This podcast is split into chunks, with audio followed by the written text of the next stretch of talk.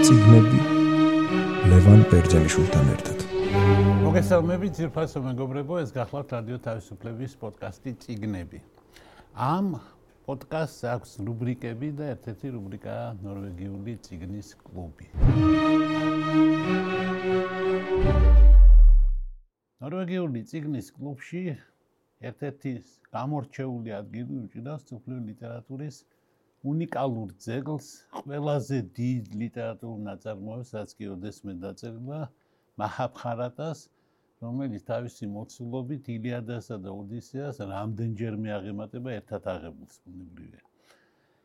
სიტყვა სიტყვით მაჰაბხარატა სანსკრიტზე ნიშნავს დიად ფარიატას, ანუ ხარასტის ხარატას შთამომავლების შესახებ დიად წიგს, დიად თქმულებას.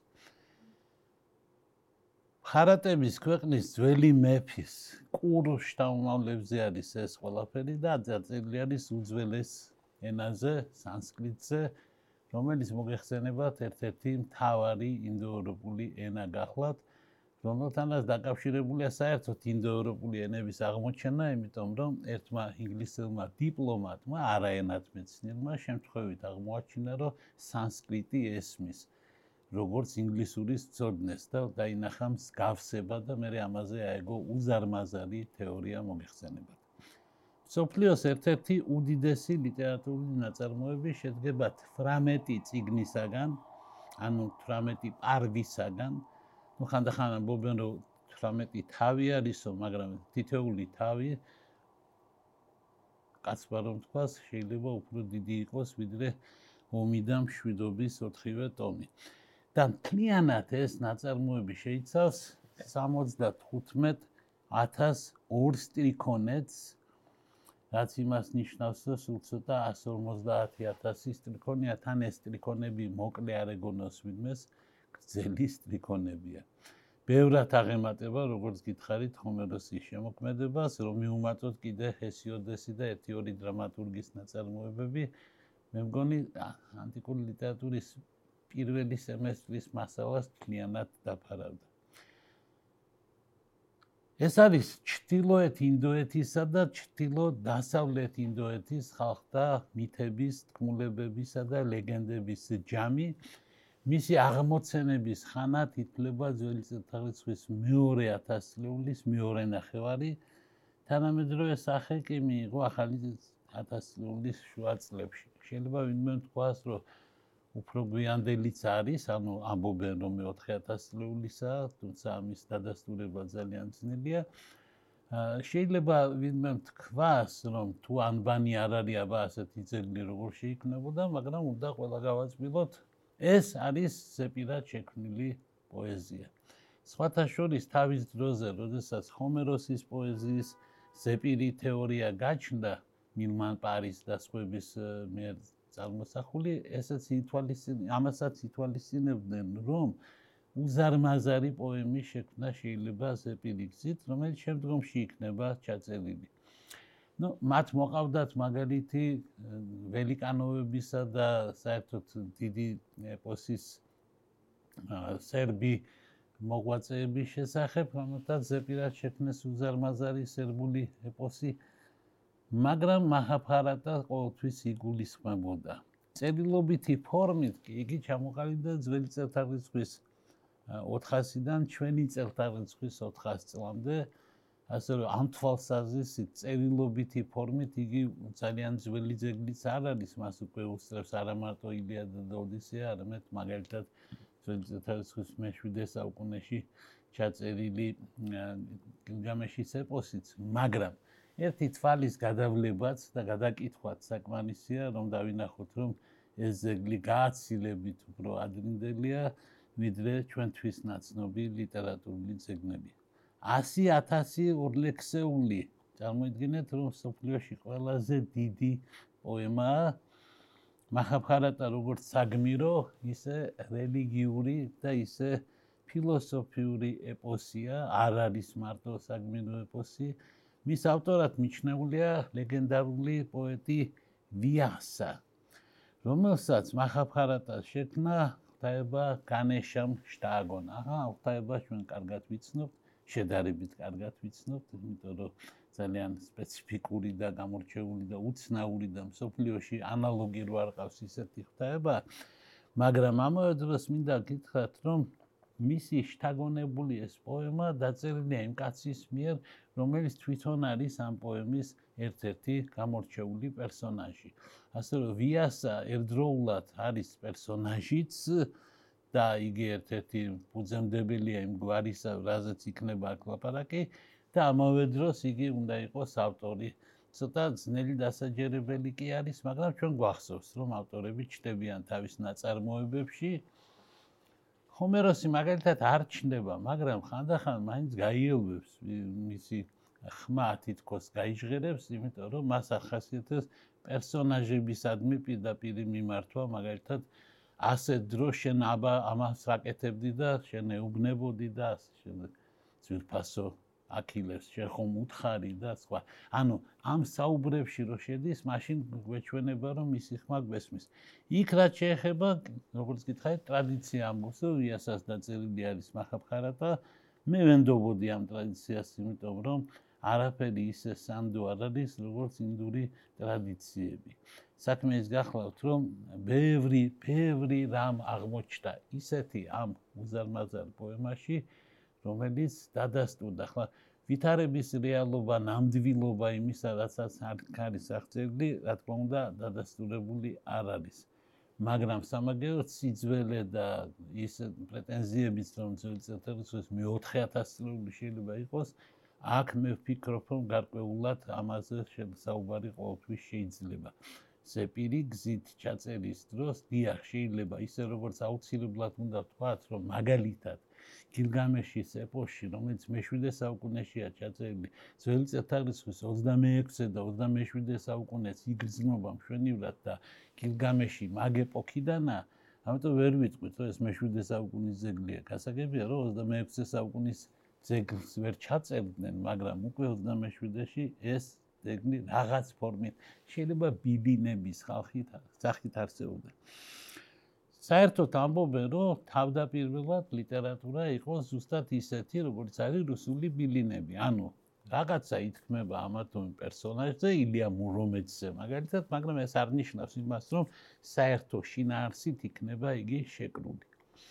მაგრამ არ არის აუცილებელი, რომ ეს იყოს უნივერსალური ნიშანი, მაჰაბჰარატა მაგალითად არანაირ ბიბინების კრებულს არ წარმოადგენს იგი არის გააზრებული ჩარჩოიანი ნაწარმოები ხოლო ვინაიდან ჩარჩოიანი ნაწარმოებზე ჩვენ უკვე გვილაპარაკია ეს არის მაგალითად 1001 ღამე ჩვენ უკვე გვესმის რაზეა ლაპარაკი რაღაცა იქნება გარეთა სიუჟეტი რომელშიც შიგნით იქნება ჩალაგებული ცალკეული მისგან დამოუკიდებელი თხრობები და ნარატივები. თანამედროვე ლიტერატურასაც ახასიათებს ეს ფორმა, თანამედროვე ლიტერატურაში ფორმა დააბრუნა დიდმა ნაბოკოვმა, რომელიც წინვალით იცნობდა სხვა შორის ინდურეპოს. როდესაც ეგრეთ წოდებული უჯრებიანი ციგნი დაწერა, მოგეხსენებათ ლოლიტა ბერსკონია მარტივი ციგნი და ბერსკონია რომ ვისაც არ წაუკითხავს, რა თქმა უნდა, იმიტომ რომ ვინც აიკითხავს, დაინახავს, რომ ჩაწყობილია ერთმანეთში ამბები, რომელთაც შეიძლება რამე საერთო სიუჟეტური ხასიათის შეერთება არ კონდეთ, მაგრამ კონდეთ უზარმაზარი ნიშნულობა. მაგალითად, მოკლე წინადადებაში ნახსენებ კერკირას კუნძულზე, კორფუზე თითქოს და არსებულ ეპიდემიას, რომელიც იქ არასოდეს არ ყოფილა. როგორც თქვით, პოემა შედგება 18 პარვისაგან, ანუ 18 წიგნისაგან და ახლავს მას კიდე უზარმაზარი ბოლო სიტყვაობა, ისე როგორც 1001 ღამე, მისი მთავარი შინაარსი გავრცობილი არის მრავალი პარალელური თხრობით და მოკლე ეპიზოდით. მაჰაბჰარატა განიხილავს ინდუიზმის ყველა ძირითად თემას. არსებათა ყოფა, სიკვდილს, სიკვდილს ხელმეორე დაბადებას, კარმას, ხარმას, აღწევს ბედნიერებას, ტანჯვას, კეთილს, ბოროტს, მათი ქმედების შედეგებს, სხვებს შეწირვას, მის დანიშნულებას. ძირითადი შინაარსი კი გახლავს ბრძოლა კურუსა და პურუს შთამომავლებს შორის და პირველების დამარცხებას ჩრდილოეთ ინდოეთის ისტორიაში. მრავალი სიუჟეტისა და ხატის წყარო გახლავთ ეს დიდი პოემა, რომელმაც განვითარება პოვეს მთელი სამხრეთ და სამხრეთ აღმოსავლეთ აზიის ხალხთა კულტურაში. ანუ ეს არ არის მარტო ინდოელი ხალხის კუთვნილება, იგი გახდა კუთვნილება მთელი აზიისა. ინდური ტრადიციით ითვლება ეგრეთ წოდებულ მეხუთე ვედად, ოთხი კანონიკური ვედის გვერდით. სოფლიო ლიტერატურის ერთ-ერთი იშვიათი ნაწარმოებია, რომელიც თავის თავზე ამბობს, რომ მასში ყველაფერია და რომელიც რაც კი დედამიწაზე არსებობს და რომელიც არ ტყუის, იმიტომ მასში ნამდვილად ყველაფერია რაც დედამიწაზე არსებობს, მასში არის ყველა სიუჟეტი, რომელიც ჩვენ შეგვიძლია წარმოვიდგინოთ, მათ შორის ბორხესის გამოყოფილი 4 სიუჟეტი, მათ შორის ღმერთის თვითკვლელობის ამბავიც, აქაც შეიძლება კაცი, რომელიც არ უნდა მომკვდარიყო 10000 წელი, მაინც მოკვდეს და ასე შემდეგ. როგორც გითხარით, ავტორობა მიეწერება ლეგენდარულ ვიასას, ეს იყო ბრძენი კაცი, რომელიც მესამე 1000 წლში ჩვენს თაღრიცხვამდე ცხოვრობდა და რომელიც არის პანდავებისა და კაურავების ვის შორის მიმდინარეობს ბრძოლა იმათი პაპა. და თვითონ არის ასე ვთქვათ პერსონაჟი ერთ-ერთი მნიშვნელოვანი პერსონაჟი ამ პოემისა შემდგომში მან თავის მოსწავლეს ვაიშამპაიანოს გადასცა ეს ტექსტი რომელმაც იგი შემდგომში კიდევ უფრო გვიან წაიკითხა ერთ-ერთ დღესასწაულზე და ასე გახადა ტრადიციად ასეთი კითხვა. ყველას გვახსოვს ოდისევსის ოდისეას ის ნაწილი, როდესაც ოდისევსმა ფეაკების კუნძულზე როცა აღმოჩნდა და ეს კუნძული მე უკვე ვახსენე დღეს ნაბოკოვთან დაკავშირებით იგივე კუნძული კერკირა ანუ იგივე კუნძული კორფუ გახლავთ ეგა დიდი კუნძული საბერძნეთსა და იტალიას შორის. აი იქ რო აღმოჩნდა ოდისევსი შემთხვევით რა თქმა უნდა მას შემდეგ რაც გადაურჩა ღმერთ პოსეიდონის საშინელის ხვას და ეგ ცოცხალტარი რო აღმოაჩინა ნავსიკა აი მაგ მან მოისმინა დემოდოკოსის სიმღერები ესაა ზუსტად ის, რაც აქ ითქვა ვაიშა ვაიანომ რომ იმღერა. ანუ წაიკითხა იმას ნიშნავს, რომ რეჩიტატიულად შეუსულა, ანუ იმღერა ეს უზარმაზარი პოემა.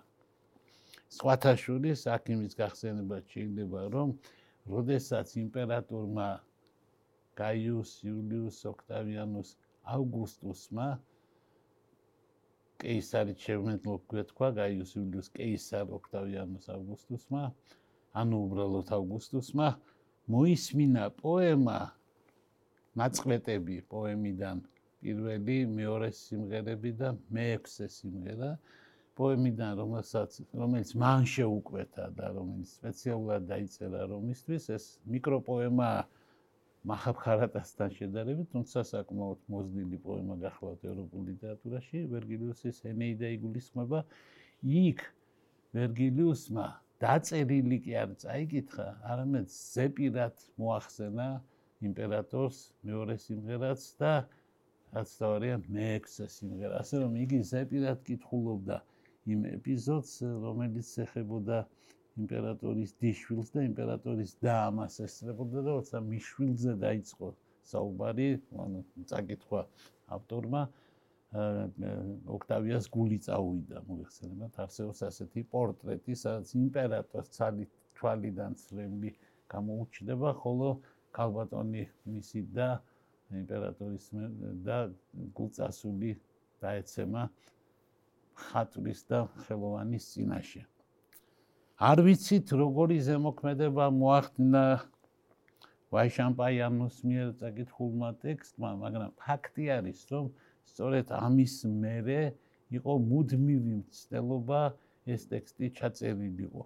როცა გამოჩნდა პირველი პრიმიტიული და იოლი საშუალებები, რაღაც შინაარსი მაინც იქნა ჩაწერილი, ანუ თავების დასახელება, ასე რომ ჩვენ ვიცით რა ერქვა თითოეულ ციგნს, თითოეულ პარვას ძნელი წარმოსადგენია ეს ყველაფერი ერთმა კაცმა დაწერა და მოაწესრიგა, მაგრამ მინდა გითხრათ, რომ დიდ ნაწარმოებებს რომ ახასიათებს შეცდომები, მაგალითად ომსა და მშვიდობაში 300 მე რაღაც გვერდზე რო 127 გვერდზე მკვდარი კაცი გაცოცხლდება და ხელახლა დაიწყებს ასე თქვა სიკვდილისთვის სრუნვას და გაიმეორებს ფაქტობრივად იმ ბედს რომელიც ანდრეი ბალკონსკის მოუწდიოდა მაგრამ იქ ავტორს ესმოდა რაც წერდა და ამ შემთხვევაში უბრალოდ შეეშალა მიუხედავად იმისა რომ ილიადაშიც და საერთოდ დიდ ძეგლებში ასეთი ტიპის შეცდომები ხშირია რატომღაც მაჰაფარატაში ასეთი შეცდომები ან სულ არ არის, ან ჯერ შემჩნეული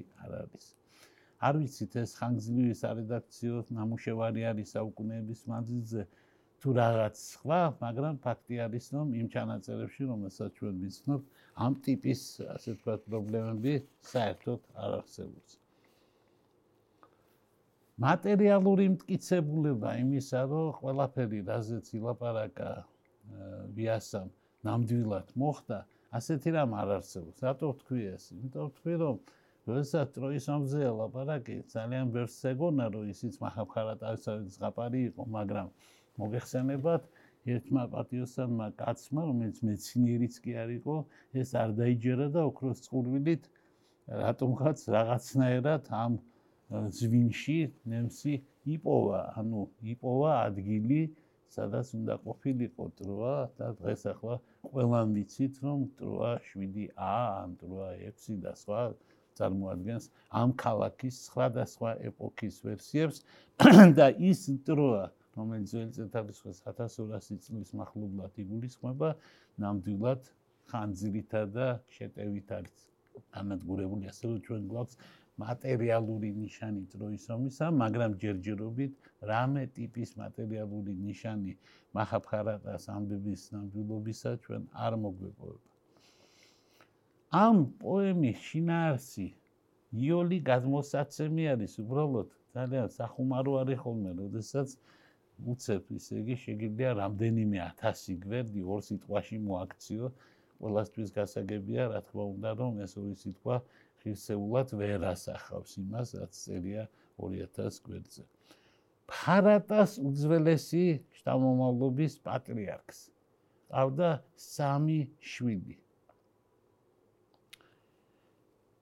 უპირველეს ყოვლისა ეს იყო დრიტარაშტრა. ოღონდ სწორი გამოთქმარი დრიტარაშტრა. ძალიან ძნელი არის, ბუნებრივია ჟღერი ფშუნვერების გადმოცემა, იმიტომ რომ ჩვენ ვიცით როგორ არის ფ თ ქ სამბავი, მაგრამ დ ტ თ ფშუნვერი როგორი არის, ჩვენ არ ვიცით. გ როგორი არის ფშუნვერი და განსაკუთრებით დ თ თ ვიცით რომ ინდოევროპულ ენაში თც იყო და თც იყო, მაგრამ როგორ გამოითქმოდა დაახლოებით ვიცით ისიც, მაგრამ გვიჭირს ძალიან. ამიტომ როცა მომოთ დრიტარაშტა გვირჩევნია დრიტარაშტა თქვა და ვიგულისხმობთ რომ ის դ ფშუნველია და პანდუ და მესამე შვილი ვიდურა. აი ესა სამი შვილი უფროსი დრიტარაშტა დაიბადა ბრმა ამიტომ ტახტის მემკვიდრეობა გადაიბარა სხვა ძმა პანდუ ასეთი არის წესი საქართველოსი ახლა ამ წესს არავის არ შევახსენებ როგორი წესები მოქმედებდა მაგრამ ერთ მეფობის კანდიდატს თვალები დათხარეს, ვიცით რომ ამის მერე იგი მეფე ვერ იქნებოდა. ტრადიციისა და ქართული წესის მიერ მიხედვით, მაგრამ თვალები რატო დათხარეს, ახლა ეგეც სულიად გასაგებია. სხვათა შორის იქ არც ქალს ეკუთვნოდა მეფობა, მაგრამ მაინც მიიღო, ასე რომ რატო თხრიდან თვალებს ვინმეს თუ კი კანონი მაინც უნდა დარღვეულიყო, ხანდახან გაუგებარია ხოლმე. ჩვენს ისტორიკოსებს ზოგიერთს ურჩევნია ამაზე სულ არ ილაპარაკოს და ზოგიერთი მოგზალებულად თუ იტყვის რამეს, მე უკვე მეგობრებისა და ავტორი სხვა ავტორებისა უნდა ეშინოდეს. იქი ძალიან მარტივად ითქვა, რომ მეფობა ეკუთვნის პანდუს, მაგრამ პანდუმ გამეფა თავისი ბრმა ძმა. თავად კი თავის მეუღლეებთან ერთად ტყეში გადაიხვეწა. ასეთი რამ ძალიან იშვიათად ხდება ხოლმე ისტორიაში, მაგრამ ასეთი კეთილშობილება იქნა გამოვლენილი. სხვა შორის აქაც შეგვიძლია პარალელები ვიყოთ, როდესაც ოიდიპოსის შვილები იყოფდნენ მეფობას და ითქვა რომ ერთ-ერთ წელს იქნება და მეორე მეორე წელს ერთი წლის მეფობის შემდეგ მართლაც პოლინიკესმა უფროსმა ძმამ უმცროს ძმას მეფობა გადააბარა ერთი წლით. თუმცა კი უფროსი იყო და შეეძლო არავისთვის არაფერი არ გადაებარებინა. მე ძალიან ინანა ალბათ ეს ნაბიჯი, იმიტომ რომ ერთი წელი რო გავიდა კიდე უმცროსმა ძმამ უფროს ძმას მეფობა აღარ დაუბრუნა.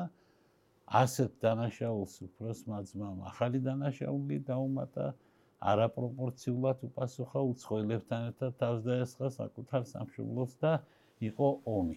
ანუ პარალელი აშკარა არის. აქაც ამ გადაბარება გადმობარებაში აუცილებლად იქნება ომი. მიუხედავად იმისა, რომ პირველ მეფეს, ბრმა მეფეს 100 შვილი შეეძინა, ხოლო მეორეს 5 ვაჟი შეეძინა, ძმები პანდავები მათ შორის აღსანიშნავი იყო არჯუნა, რომელიც არის კრიშნას მეგობარი და მოსწავლე.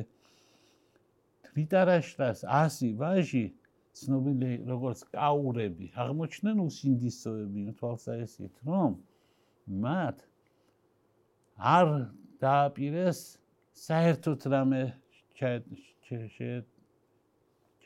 მიეცათ კაურავებისთვის და კაურავებმა თავისთვის იშოვეს ტახტი სხვაგან არ იყო ეს აბსოლუტურად დამოკიდებული დიდ ძმებზე, მაგრამ კაურავებმა ჩათვალეს, რომ პანდავები მაინც საშიში არიან და ამიტომ გადაწყვიტეს, რომ შეცილებოდნენ წაერთვათ ის, რაც მათ კონდათ, გაენადგურებინათ, მაგრამ პანდავებს ბედი უღიმოდა და ისინი ყოველთვის გადაურჩებოდნენ ხოლმე სიკეთილს.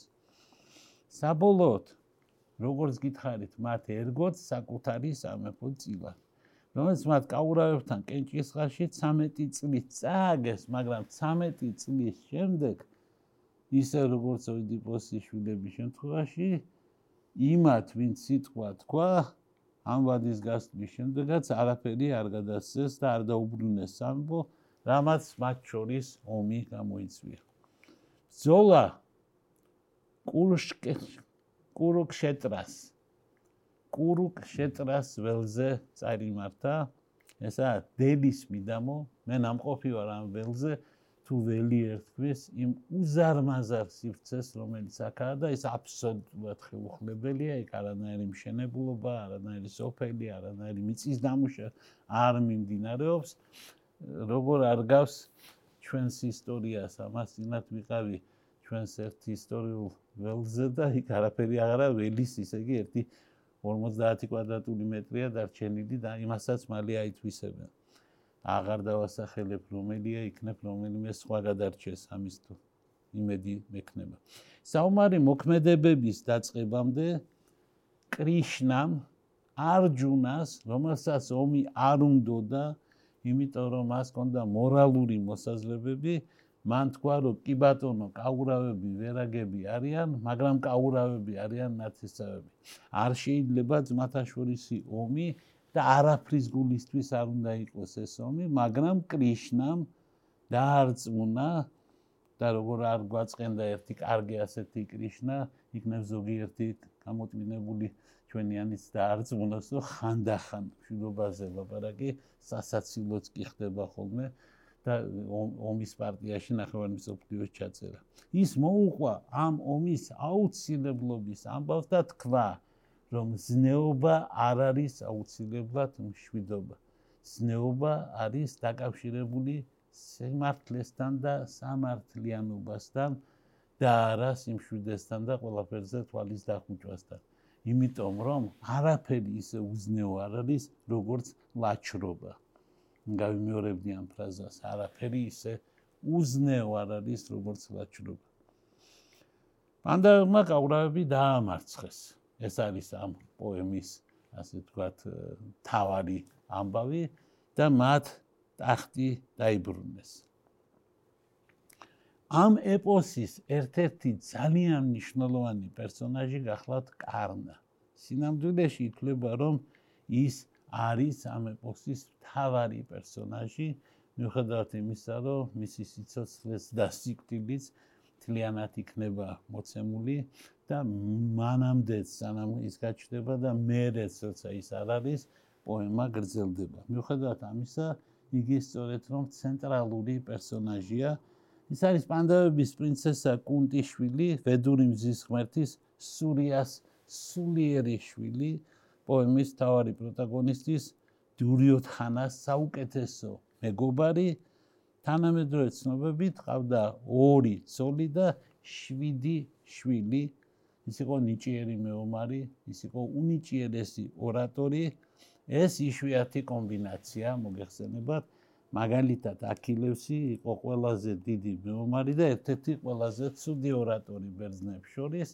მაშინ როდესაც უწყინვალესი ორატორი მაგალითად ისეთი როგორც არის ოდისევსი ვაშკაცობაში და დამსახურებებში არა მარტო აქილევს ჩამორჩებოდა კიდე მოიძებნებოდა ხალხი აი ასის ჩათვლით რომელსაც იგი რა თქმა უნდა ჩამორჩებოდა. კაურავების მხარეს იბრძოდა ეს გმირი და პანდავას პრინცესთან არჯუნაში ბრძოლაში დამარცხდა მოხდებით ახლა არჯუნასთვის ეს რა ტკივილი იქნებოდა, როდესაც მან ამოდენა კაცი დაამარცხა ფაქტობრივად ზმა თუმცა ამის შესახებ მან შეიძლება ყველაფერი არც იცოდა. ითვლოდა ითლება კარნა ითლება მაჰაბჰარატას ტრაგიკულ გმირად, მისი ისტორია სამხრეთ აზიაში უამრავი სასცენო დადგმის პროზაული თუ პოეტური ნაწარმოების შთაგონება გახდა. ამერიკის შეერთებულ შტატებში მუშაობის დროს, როდესაც მე ვიყავი რეიგან ფასელის ასე ვთქვათ პროგრამის წარმომადგენელი, ჩემთან ერთად მოღვაწეობდა ერთი ბირმელი კაცი, რომელიც ცნობილი ბირმელი ქალბატონის, რომელიც ცოტა ხანი პრეზიდენტიც იყო და ახლა ციხეში ზის, თანაშემწე იყო, მოადგილე იყო და ფაქტობრივად მეორე კაცი იყო, ასე ვთქვათ, მის პოლიტიკურ პარტიაში. მისი ამერიკაში ყოფნა იმალებოდა იმიტომ რომ იქ რო გაეგოთ მის სამშობლოში მას აუცილებლად სიკტილი დაჯდნენ როგორც კი იქ ჩაივიდო და აი ის იყო დიდი სპეციალისტი კარნაზე არსებული რანგუნული თქმულებებისა ასე რომ ხედავთ სალამდე მიუღწევია ამ ინდურ ამბავს. პანდავების პრინცესა კუნტის ერთ-ერთმა ბრძენმა აჩუქას თუმართმოყარეობის გამო მანტრა. რომლითაც მას შეეძლო ნებისმიერი ღვთაებისთვის ეთხოვა ვაჟი შვილი და პრინცესა ცნობის მოყარეობამ შეიკრო მანტრა წაიკითხა მას გამოეცხადა ზის ღმერთი სურია და მიანიჭა შვილი. ასე რომ იგი სიბრძნის შვილია თავიდანვე ბრძენის დატოვებული მანტრის წაკითხვის შემდეგ მოხდა ეს ამბავი. საერთოდ ჩვენთან ამას წინათ ითქვა, რომ ვიღაცას განათლება კითხვა და ციგნები ჰქონიაო და აი მართალი გითხრა თუ მახაფხარატას დაუჯერებ ციცოცხლეს კი კითხვასთან არის დაკავშირებული. მე ცოტა გაგვირებული ვიყავი, რომ საქართველოს პარლამენტში კაცი არ მოიძებნა წინააღმდეგობა რო გაეწია მუცნაური აზრისთვის, რომელიც ეთქვა სახელგანთქმულმა ქართულმა პოლიტიკოსმა წარმოადგინა. ხო, კითხვა საერთოდ არ არის უსარგებლო საქმე, მანტრების კითხვაც კი ძალიან სასარგებლოა. გაუთხოვარ კუნტის ოჯახს. გაუჩნდა პრობლემა. ჩდება ბავშვი უქმროთ. და ახლა ვინ აუხსნის იმათ, რომ მრავალი საუკუნის შემდეგ ამაზე მთელი რელიგია იქნება აგებული და ყველა დაიჯერებს თელ თელს სამყაროს და მილიარდობით ადამიანს ჯერა მარიამის სამბავი და ანგელოსის სამბავი. მაგრამ იქ ამის დაჯერება გაუჭirdებოდა შეშინდნენ ისინი რომ ოჯახი შერცხვებოდა დიდი მწუხარებით ბავშვი ამიტომ კალათში ჩასვეს და მდინარეს გზას გაუყოლეს. როგორც ხედავთ, ახაც სოფლიო ლიტერატურისა და სოფლიო ზღაპრების ტრადიციული, ასე ვთქვათ და ტრადიციად ქცეული ამბავია. თქვენ ხო იცით, რომ ესაც ბავშვის მოშორება უნდა, იმ ბავშვს ვერაფრით ვერ მოიშორებენ. თუ გინდა კვიდიპოსი გადააგდე, ნებავთ ალექსანდროსი გადააგდე, რომელსაც სწორედ მაგის გამო ორი სახელი ექნება ალექსანდროსი და პარისი, იმიტომ რომ ერთი ერთმა მშობელმა დაარქვა და მეორე მეორემ მოიდიპოს კიდე ესეთი სახელი დაარქვეს ნამდვილ მშობლებს ზოგადად და იმათ ბუნებრივია სახელის მიხედვით ვერ იცნეს და ასე შემდეგ. ეს ინვერსიის შემთხვევაში თუ კი მოიდიპოსმა როგორც ერთი ვერსია ამბობს მოასწრო ლაიოსთან გასაუბრება სანამ მას იმ ქვეყნად გაისტუმრებდა.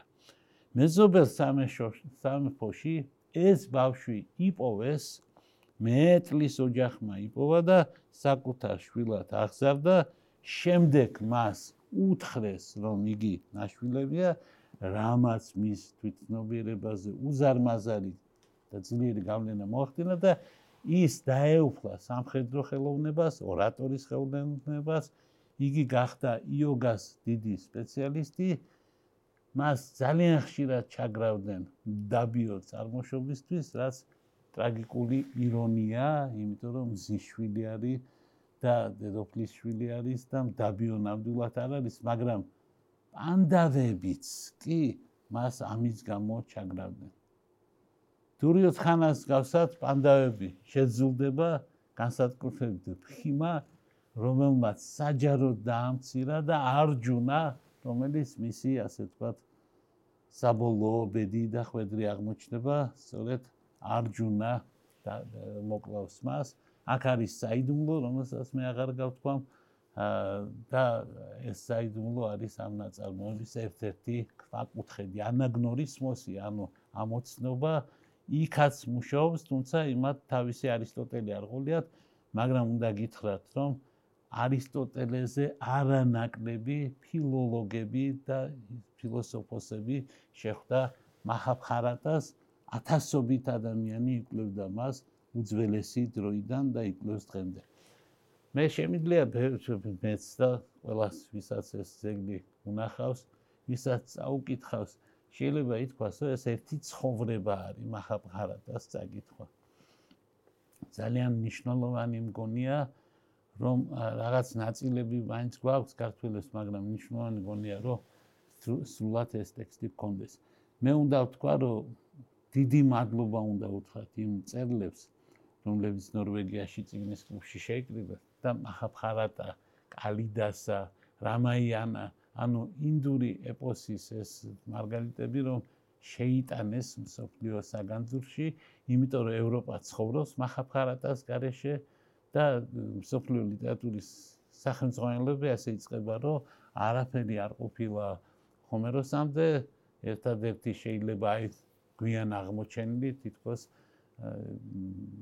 გილგამეშიანი არის მარტო ძველი ტექსტი. ეს უსამართლობა არის არა მარტო ედიტური ლიტერატურის მიმართ, ეს უზარმაზარი, რომელიც არ არის ამ დონის, რა თქმა უნდა, მაგრამ ეს უზარმაზარი უსამართლობა მაჰაბხარატას, რამაიანას და კალიდასას და ასე შემდეგ ამათ მიმართ, იმიტომ რომ ესენი ხათრით არ არიან სოფლიო ლიტერატურაში, ეს სოფლიო ლიტერატურის უდიდესი ძეგლებია. დიდი მადლობა ყურადღებისთვის.